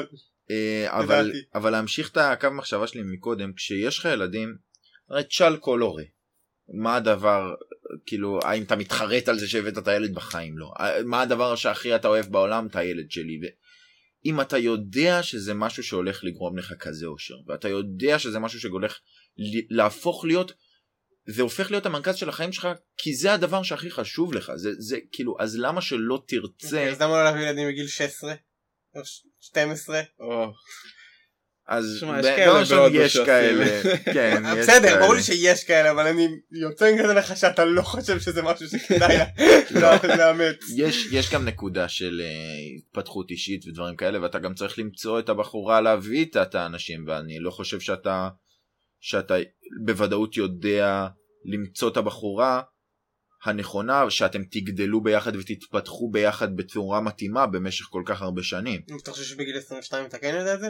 לא אבל אני חושב שאם אתה מתחתן בגיל 20 ו, uh, ונגיד דבר ראשון ספציפית דתיים אתה באמת אני לא אני לא יודע להגיד למה אוקיי. אה, אבל האחוז גירושים הרבה יותר נמוך ובאופן כללי המשפחות אה, יותר ילדים זה וזה לא הכל- בתרבות ו- התרבות שלהם מאוד שונה בקטע הזה. שזה שזה לא נשמע לי שלילי לא, יש שם בכלל. הרבה... כן, אבל אני מדבר בסדר. אני מדבר בתרבות אחזור, שלך. אני אחזור לעניין העושר. יש אין ספור אה, מחקרים של שואלים אנשים אחרי שיש להם ילד. כן. כאילו משווים שמחה של אנשים לפני ואחרי. אה, לפחות בחמש עשר שנים הראשונות מדד העושר יורד משמעותית. משמעותית. אנשים לא שמחים שיש להם ילדים. ברור שהם יענו לך ושהם הכי אוהבים את הילדים. אה, זה משהו שכרגע לא מזדהה איתו, עדיין אין לי ילד. אבל אנשים ילדים, במיוחד שהם קטנים, הם לא אנשים שמחים. אה, לי ולניר יוצא לעבוד עם אנשים כאלה. אה, כאילו זה... זה תופס זה אחוז פשוט מאוד תופס נחמד. יותר מכמות הקפסיטי שיש לך ביום. בוא תראה איך אני הופך את הטיעון שלכם על הראש. עובדה שאנשים מביאים עוד ילדים. שיש להם ילד ראשון ואחרי שנה שנתיים מביאים עוד ילד. למה? כי הם כאלה סובלים והם העובדה רוצים עוד אחד. אוקיי, רגע. אה, זה מביא אף אותנו אחד ל... פה לא, אנחנו לא מערערים על העובדה שבסוף זה הופך אותך ל... לא, לא בסוף, אני אומר הנה עובדה, תוך שנה שנתיים הם כבר רוצים עוד אחד. לא, אוקיי. ולנשים אבל- בכלל, אחי, נשים אחרי שהם עברו הריון וזה, זה קשה, זה לא קל. והם קמים באמצע הלילה וזה, הם בכל זאת רוצים עוד אחד. אז בוא, בוא נחזור לה, להתחלה, שעוד לא דיברנו על זה, על נורמות חברתיות. אוקיי. אז, אז יש גם את, אה, את הקטע של האבולוציה. בסוף הגוף האדם נבנה בשביל שתביא ילדים, ויש את העניין של הנורמות החברתיות. וואי, אני מה זה לא מסכים. זה מה זה לוקח כיוון שאני לא מסכים איתו, אבל בסדר, דבר. כאילו מורלית מצופה ממך להביא ילדים. אה, אני מכיר כמה אנשים שבחרו שלא להביא ילדים. אה, הראש צוות שלי הוא אחד מהם, תמיר אוהב אותך. אה, וכרגע ה- הסטייטוס של מוכתב לכולם להביא ילדים ובגיל 40 זה מאוד מוזר שאין להם ילדים כאילו יש איזושהי התפלגות של כמה זה מוזר שאין לך ילדים בגיל מסוים אה, ומצופה ממך להביא. מצד שני יש גם את החלק של אבולוציונית אתה רוצה להביא ילדים אבולוציונית ש... שלאימא נולד, נולד תינוק אז מופרשים הורמונים מאוד ספציפיים שאומרים לה את מאוהבת בו כאילו זה התינוק שלך אה, אז, אז יש גם את כל הצד הזה הגנטי כן, אבל גם אבות אוהבים את הילדים שלהם. אה, ו... אה, שוב, אני מבין את הטיעונים. האנשים שבוחרים לא להביא ילדים וזה, להגיד שזה נורמה חברתית, זה נשמע לי מה זה farfetched, כאילו כן, סבבה, יש נורמה חברתית להביא ילדים, אבל אנשים אוהבים את הילדים שלהם ואנשים רוצים להביא ילדים גם בלי קשר אה, לנורמות חברתיות, וגם אם, גם אם אתה זה... לא יכול להגיד את זה, אתה לא יודע.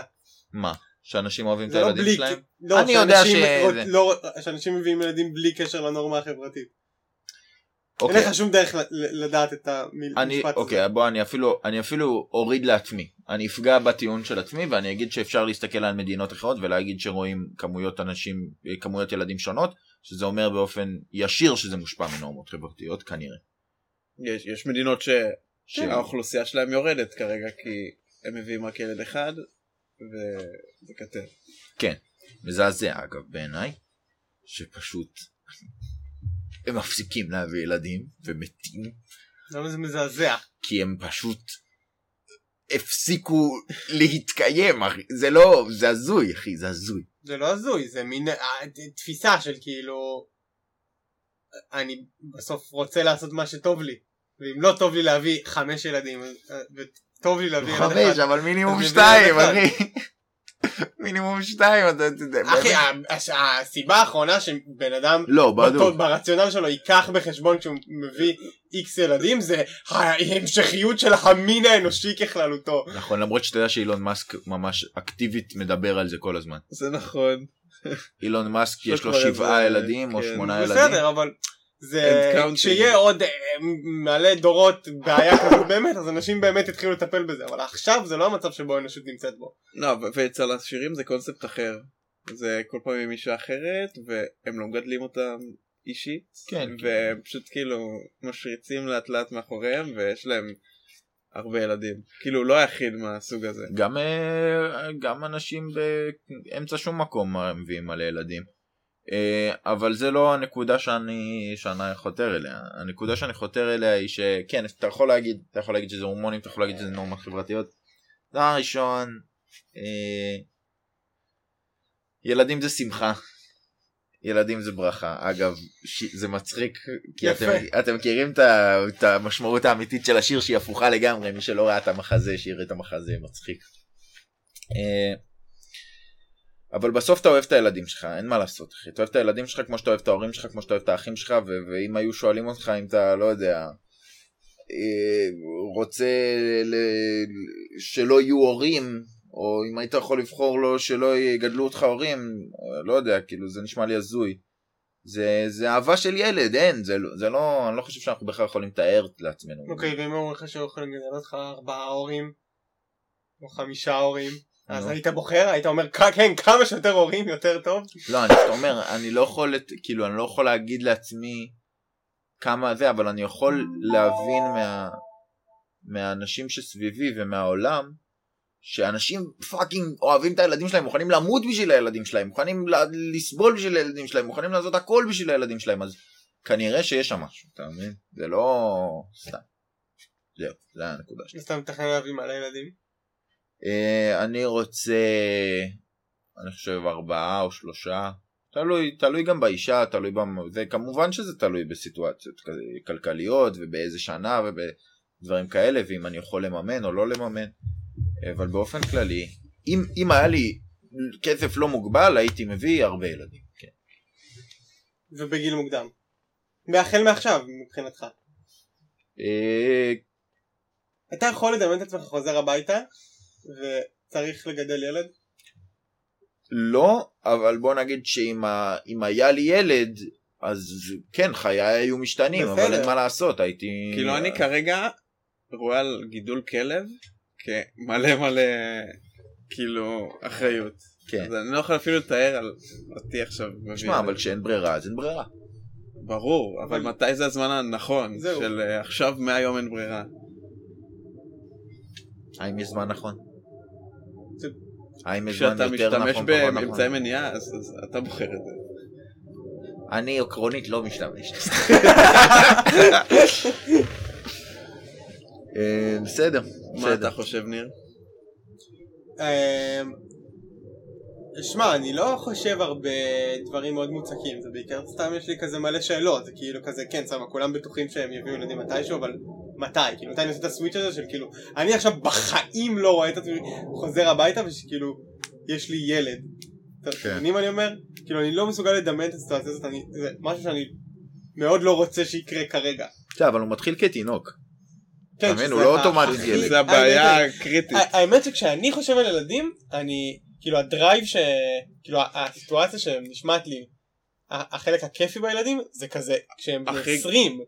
כאילו, לא, כש- אחרי גיל כש- 10. לא יודע, כשהם בני 50, כשהם, כאילו, לא יודע, החלק ב- ב- בילדים שמרגיש לי מעניין זה כשהם כבר ממש. אנשים, וכאילו, אתה מבין מה אני אומר? כן, זה אגב קטע, אם אתה נהיה אני מאוד לא- מבוגר ואין לך ילדים, אז כאילו, אתה לא מי מטפל זה. בך? מי זה? מי... זהו, זה אה, בסוף הביטוח הכי טוב שאפשר לעשות, להביא ילד. זה כאילו אתה מביא, זה עולה מלא כסף, אבל מלא בסוף כסף. כשאתה בן 80 ואתה צריך שהם האמת שאף פעם לא חשבתי על זה. ככה. אז אני גם לא קראתי את הדעה הזאת בטוויטר האמת אשכרה. של כזה למה להביא ילד זה כזה מלא כסף עניינים ואז כאילו מישהו מסביר זה, זה, זה, זה כאילו זה לא זה לא הוצאה זה השקעה וואי, ההורים כאילו, שלי מה אתה- זה התבאסו בסוף- שאני אזרוק אותם לכלבים? לא בסוף תשמע אתה בסוף מגיע לגיל ככל שאתה מתקדם יותר בגיל זה כאילו המשפחה זה כל מה שנשאר לך מכל בחינה כאילו גם הבחינות היותר אה, הוואיות וגם הבחינות היותר מעשיות כאילו כן. מישהו צריך להסיע אותך למקומות מישהו צריך לדאוג כאילו זה כן, פשוט צריך גם לבוא לבקר. זהו בדיוק חלילה אשתך מתה. אז, מה אה, תעשה? כן אז זה דבר אחד הדבר שהכי מדאיג אותי בנוגע לילדים זה שאני מאוד לא אוהב ילדים Mm. כאילו ילדים קטנים אני, אני לא אוהב ל- ל- לעשות איתם אינטראקציה בוודאי, אבל ילדים את קטנים. הילד שלך אתה תאהב, אתה מבין? אין סיכוי שאתה לא תאהב את הילד שלך, אין סיכוי. אבל אני לא אוהב אף ילד אחר כאילו לא לא אוהב אבל אני לא אוהב לבלות איתו אין לי בעיה עם ילד אתה מבין אני לא שונא את הילד כן. אני לא נהנה לבלות זמן עם ילדים אני אני יכול להזדהות ו- עם מה שאתה טוען פה. זה, זה משהו שמאוד מדאיג אותי כי כאילו למה שאת הילד שלי אני כן ארצה לשחק איתו במשחקים. המטומטמים שלו מלא זמן רצוף אתה מבין? אני חושב שאתה כל כך תתרגש מהפעם הראשונה שהוא ירים. קובי. אבל האם יכול להיות שלא? כאילו כן. תסתכל סטטיסטית אחי. לא, תסתכל אוקיי. סטטיסטית. לא כל המשפחות סטטיסטית מושלמות. גם רוב לא האנשים מושלמות אבל כמה הורים לא אוהבים את הילדים שלהם לא אחוז גבוה. כן יש אבל לא אחוז גבוה. אוקיי וגם כמה אנשים אה, חכמים כמוני לא לא אחוז גבוה כמה אנשים אתה חושב שבגלל שאתה חכם אתה לא תאהב את הילד שלך? לא אני מסביר שזה שזה לא הרוב לא אומר ש... פשוט- זה- אם כל, ה- אם כל האינדיקציות מצביעות על משהו אני לא יכול להגיד אוקיי אבל סטטיסטית כאילו, אתה מבין מה אני אומר? אני דווקא חושב שזה שזה טיעון חזק אחי. קשה קשה למצוא. אחי קשה למצוא. קשה למצוא הרבה דברים אבל אני, מבחן הסטטיסטיקה הוא לא מבחן טוב מספיק לאינדיבידואל אתה מבין? בוא אני אגיד לך ככה אם, יש לך. אם הייתי צריך לייעץ למיליון אנשים האם להביא, לה- להביא ילד אז, אז אתה יכול להגיד כן הנה תראה סטטיסטית נו. 900 אלף מכם אה, 90 99 99 מכם הול- הולכים אה, לאהוב את הילדים שלהם לא, לא, זה- נו. אבל במבחן האינדיבידואל זה, זה, זה, זה טיעון פחות חזק סטטיסטיקה אתה מבין מה אני אומר?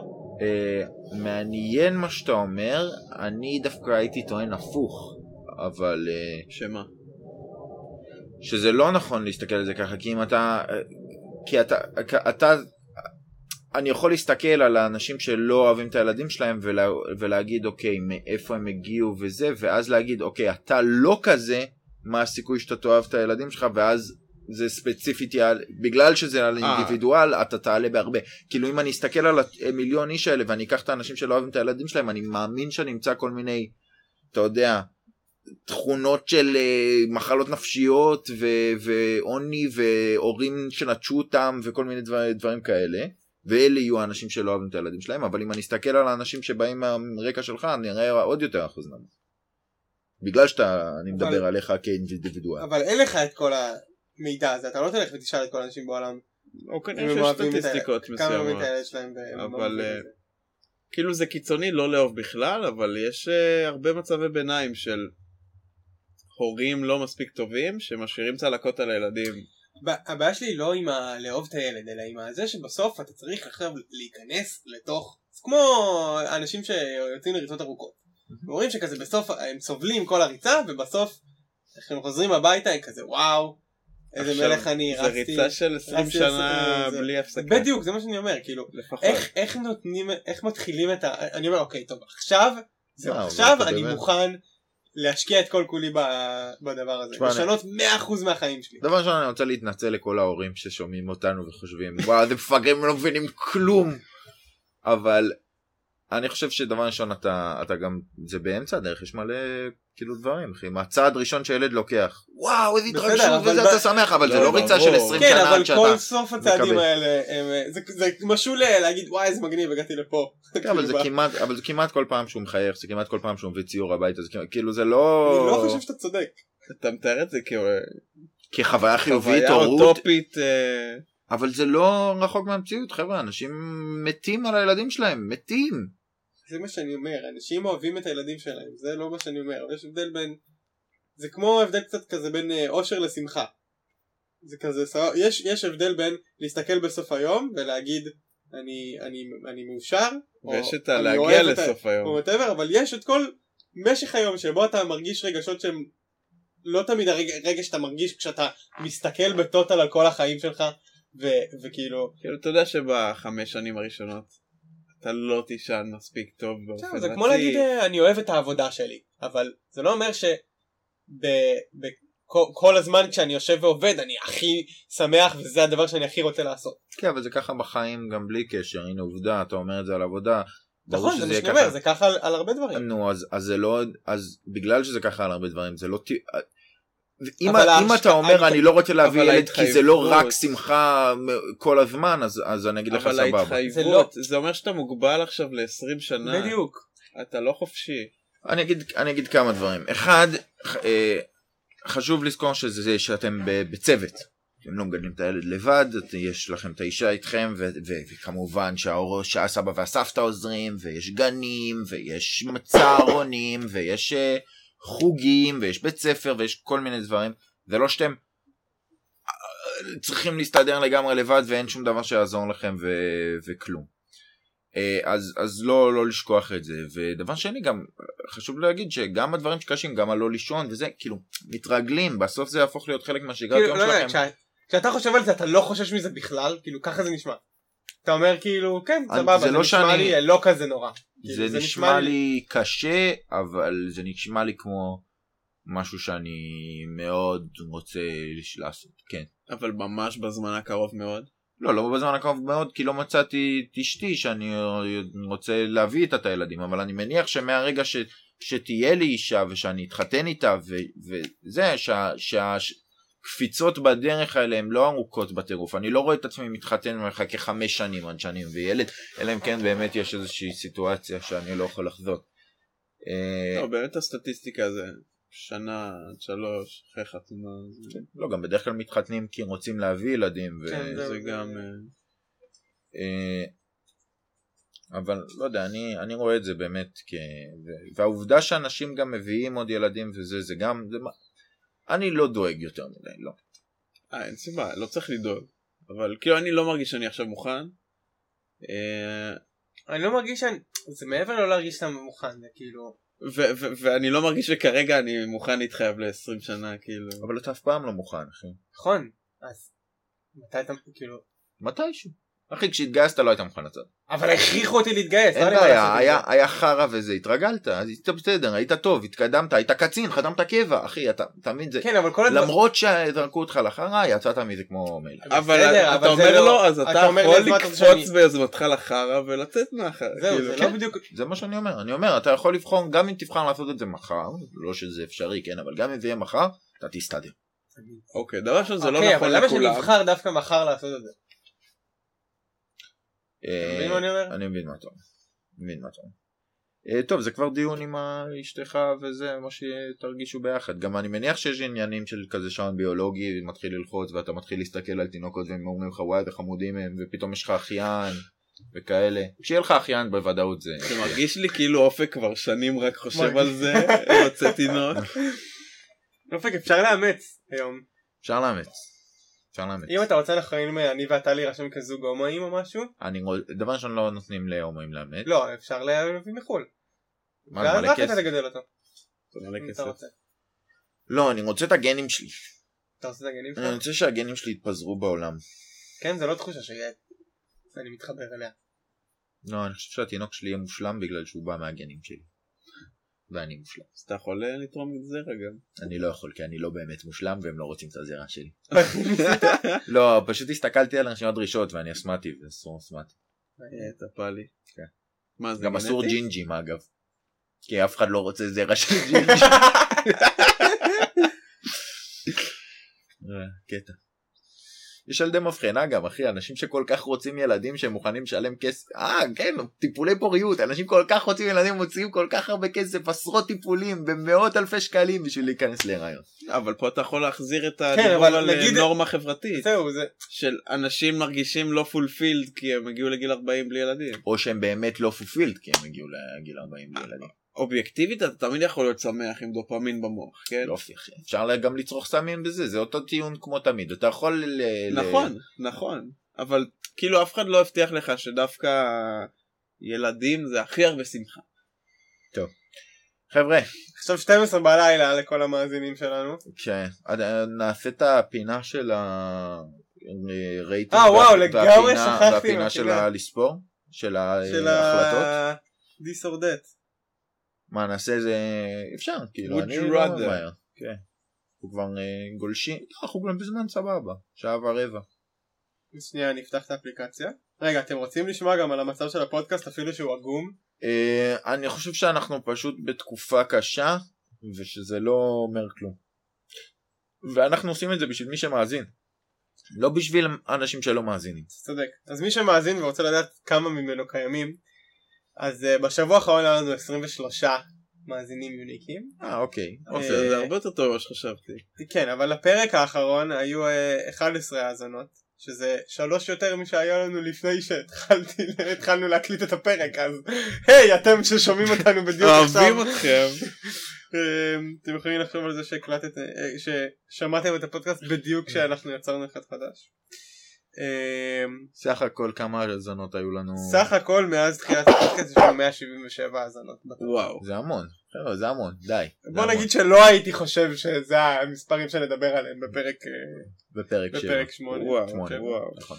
אמ, כן, זה זה בגדול, אין עוד איזה משהו מיוחד. כמה. זמן אתם חושבים שפודקאסט, עד שפודקאסט נהיה אמיתי? כמה פרקים? אחי, רוב הפודקאסטים הם כבר, אתה מתחיל אותם בפוזיציה מסוימת שהם פשוט נהיים על הפרק הראשון דבר. לא מרגיש לי ככה. בכלל לא מרגיש לי ככה. אה, זה תלוי. יש פודקאסטים שגדלים, ויש מפורסמים שכבר כן. יש להם קהל. מרגיש לי שרוב הפודקאסטים הם יותר באזור הזה. כן. כן, של, חושב. כבר היית מפורסם ממשהו, או sub מפורסם, כאילו היה לך כבר fan base כלשהו שאתה מדבר כי עליו? בסוף אני- איזה ואז ואז פודקאסטים גם אתה הוצאת שומע? פד- פודקאסט. אז ספציפית אני, אבל הסתכלתי נגד הפודקאסטים המובילים בישראל, חיפשתי את הפודקאסט שלנו, הוא לא היה שם.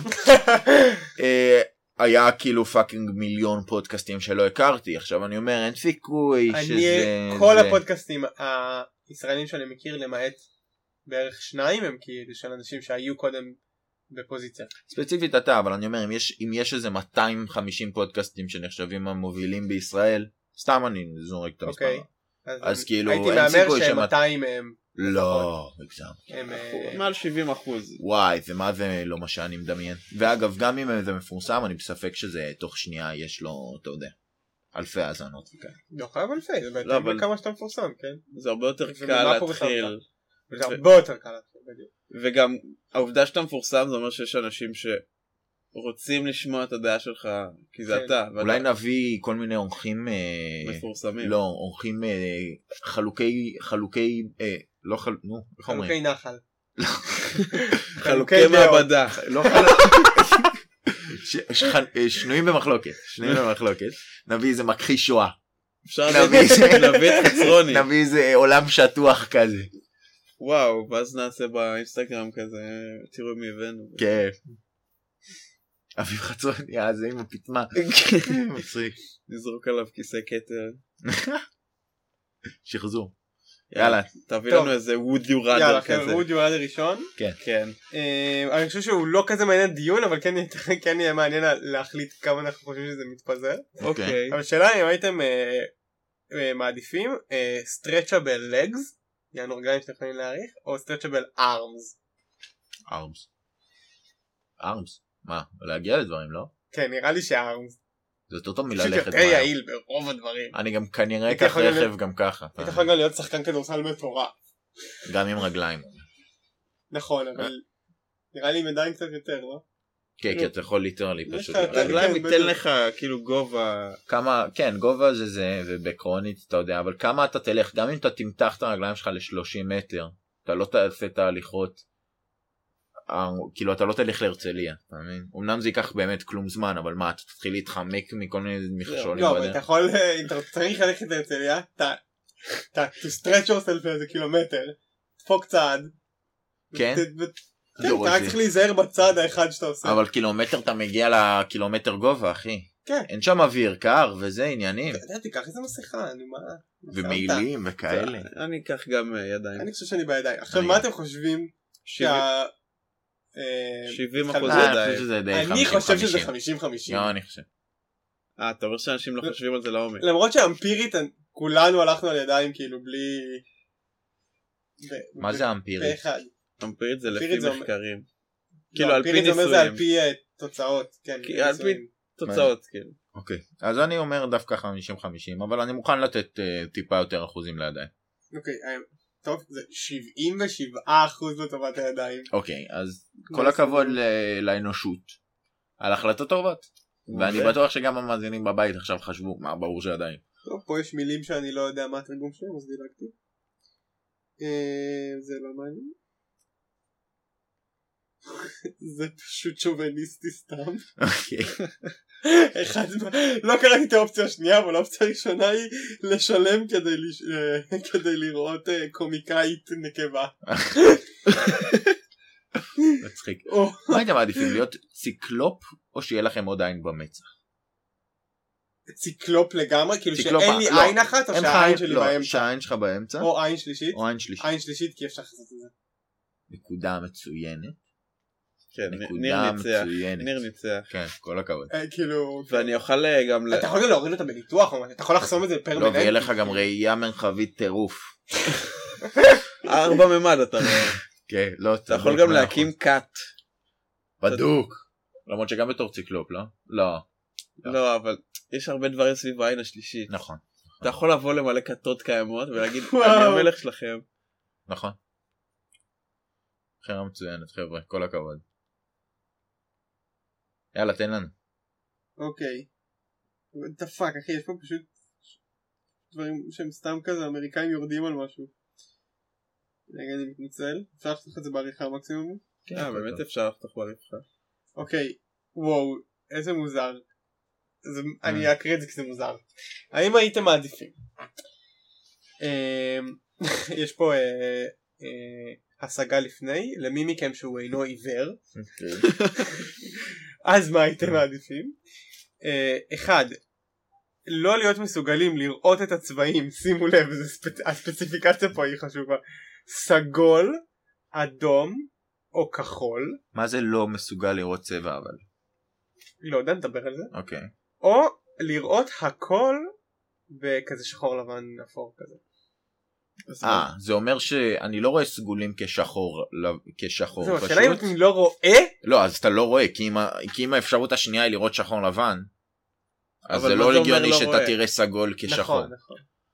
אה, זה כנראה אומר שזה לא עיוור לראות לך. אתה לא רואה. אז דבר ראשון, זה- בוודאות זה. אבל אתה לא רואה דרך. אז כן, ואז אתה משתמש בזה.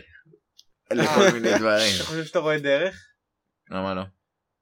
לא מה יודע, זה עוד יכול להיות? לא אני חושב כלום. שאתה לא רואה... אז מה זה לא רואה כלום? זה לראות דרך. אתה לא, זה לא. לראות כלום. אני חושב שאתה רואה זה שחור. כמו שעיוורים לא רואים כלום. לא, שמעת רגע. פעם עיוור מתאר מה הוא רואה? שמעתי אנשים אומרים מה לא, בואו. נלך... אני, עיוור פעם אמר לי. שלהיות עיוור זה כאילו מישהו אומר לו מה, מה אתה רואה כאילו זאת אומרת כמו שאתה לא רואה כלום מאחורי הגב שלך ככה אני לא רואה כלום. אתה מבין? זה מין משהו שאתה לא יכול לדמיין מה לא, זה? אין זה פשוט. איזשהו לא, כלום. רגע, זה כמו שאנחנו לא רואים קרני אולטרה סגול, והם שם. אז עכשיו יש כן, אבל אני רואה דרכם. אתה יש? עצם... אבל אתה רואה דרכם בדיוק יש הבדל בין לא לראות לא, לא. אתה לבין לא לראות אתה דרך. רואה דרך הגלים, אבל אם יש... אגב, אני שמעתי תיאור אחר לעברים. מה שמעת? אני שמעתי שזה דמיין שיש שיש זכוכית שמאחוריה יש עוד זכוכית ועוד זכוכית ועוד זכוכית ועוד זכוכית ועוד זכוכית לנצח ואין כלום כאילו מאחורה. אז אולי זה עיוורים שראו פעם. כאילו יש הבדל בין מישהו שאף פעם לא יודע מה זה לראות, לבין מישהו שהתעוור. אגב מה למה הספציפיקציה היא לעיוורים? למה. הספציפיקציה היא לסגול אדום וכחול? גם עיוורים לחלוטין יכולים לבחור בין שתי האפשרויות האלה. כן אבל אולי יהיה להם קצת קשה. אה כי הם לא אה, יכולים האמת לדמיין שיש פה, צבעים. ש... מישהו שאל אם הכוונה היא לא לראות, או אה, אפשר לשאול שאלות לא את. היוצרים? יש פה קומנס, כאילו. אשכרה. ומה ענו לו? אמ, לא, אין פה שום... אה, תשמע אני לא אני לא יכול לדמיין את זה. מה התחלת להגיד על הקרניים? ש... יש עצם, אם הוא מוצא עליך רק קרני אולטרה סגול, אז אתה תראה שחור כי לא עובר דרכו רגיל. אוקיי. אז זה מה שתראה. שחור. אז, שחור. אתה, אז אה, אם, ה, אם האפשרויות הן בין לראות צבעים מסוימים בשחור או לראות את כל הצבעים בשחור זהו. לבן, סבבה. בוודאי שאני בוחר את השחור לבן. לא, את ה... לא סליחה, לראות, הייתה לא כן, לראות את הצבעים מסוימים, כן, כן. סבבה. ואכן 67% מהאנשים מסכימים. יפה מאוד. חבר'ה פענחנו את זה, זה כמו חידות, זה זה חידות. טוב יאללה, אחד אחרון. אחרון. יאללה. אמ, האם הייתם מעדיפים להרוג מול אלפי ילדים חד קרן אני כבר אוהב או את זה. דולפין שאוהבים אותו? כן, כי זה מתואר, זה מתואר כבילאבד דולפין. גילה ודור. האם זה או פשוט פיטר? יוניקורן. לא נראה- לא נראה לי שהוא בילבד אחרי הסיפורים עליו. שאלה מעניינת. אני חושב ש... אה, מול אלפי. ילדים. אני חייב להגיד שאני מרגיש שאין לי העדפה כל כך בנושא. מול אלפי. ילדים. אני חושב שפשוט- קרן הוא מיוחד אני יכול אבל, לבחור א' נכון, וב' ביחד. אבל אבל לא השני ילדים. נורא נקשרים לדברים שהם הוא אוהבים. בילבד אתה אחי. מבין?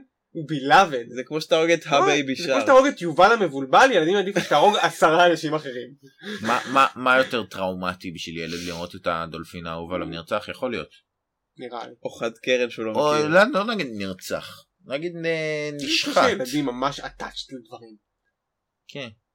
מצד שני... קשה לי לחשוב על זה, מה, תהרוג אבל חד חד- קרן? לא, אתה מיוחד. תהרוג חד קרן אחי. אתה תהרוג מתים את כל הזמן. פוצי הדולפין אבל דולפינים שגדלתי. עליו? תשמע, אני מבין מה אתה אומר. אני מבין מה אתה אומר. אני אומר, רגע, תחשוב על האנושות ככלל, עזוב את הילדים. אה, אתה תרצח תחת. קרן? רגע, אה, אבל אני- בוחר איך להרוג. אותו. אני בוחר בדולפין. אני בוחר איך. להרוג אותו, אני יכול לבחור בלהרוג אותו מזקנה. אתה סותם לו את החור אני חושב נשימה. לא, לא, הם- הם צופים בנו איזה 20 שנה. הוא אבל מת. אה, אני חושב שאופק צודק, כאילו fuck those children, כן. כאילו, הבעיה האמיתית פה היא ש... אני גם בוחר את האלפי, נכון? זה אלפיים. טוב, אז אני- אני- אני בטים דולפין. אני חושב שהרוב האנשים... לרצוח דולפינים, אחי. כן, כן. אבל אני חושב שלרצוח דולפינים, אבל אני חושב שרוב האנשים לא יסכימו איתנו. כי הם יגידו, הם, הם יותר יהיה אכפת להם מהילדים מאשר מהביולוגים. אה, טוב, אז אז תשכחו אני ש- כבר לא יכול לנחש, אבל. אתם רוצים אתם לנחש את ההתפלגות? אני חושב ש-68% רצחו את אחד כן. אני אומר שהרוב את הדולפין. אחי, 67 אחוז יואו. הרגו את החד קרן. לא מאמין. אתה גאון. מטורף. טוב, נראה לי שזה לא, היה פרק נחמד, היה פרק נחמד. זה היה פרק, מקווה ש... אה, קצת ארוך אבל יצא. אני חושב שאנחנו בשעה ומשהו, מעל השעה. שעה וחצי. אמ, אז אה, תודה, תודה רבה. לכל מי שמאזין לנו. אנחנו מאוד מעריכים את זה ואוהבים אתכם. נכון. ואנחנו נשמח שאם אתם אה, ככה אוהבים את הפרק הזה תשתפו ותסבירו לאנשים שלא לשמוע את הפרקים הראשונים כי הם הרבה פחות תתחילו אותם. מהסוף. תתחילו מהסוף, תמיד תתחילו מהסוף. ואל תרדו לפרק 2. אני חושב שפרק 4 זה ה... אני. ממליץ על אנשים תמיד על אה, 4-5 נראה לי. מה היה 6? GPT? GPT? אה, אז אולי פרק מעולה. 5-6. 6. 6 זה היה טוב. 6 חבר'ה, חמש, שתמליצו שש. לכם. תשמעו רק את פרק 6. לא את הפרק הזה. ואת. הפרק הזה, הפרק הזה נשמע לי מעולה גם. אה, אבל מצד שני, אם אתם לא אוהבים, אז זה מעניין לנו את הפודקאסט. יאללה חבר'ה. יאללה ביי!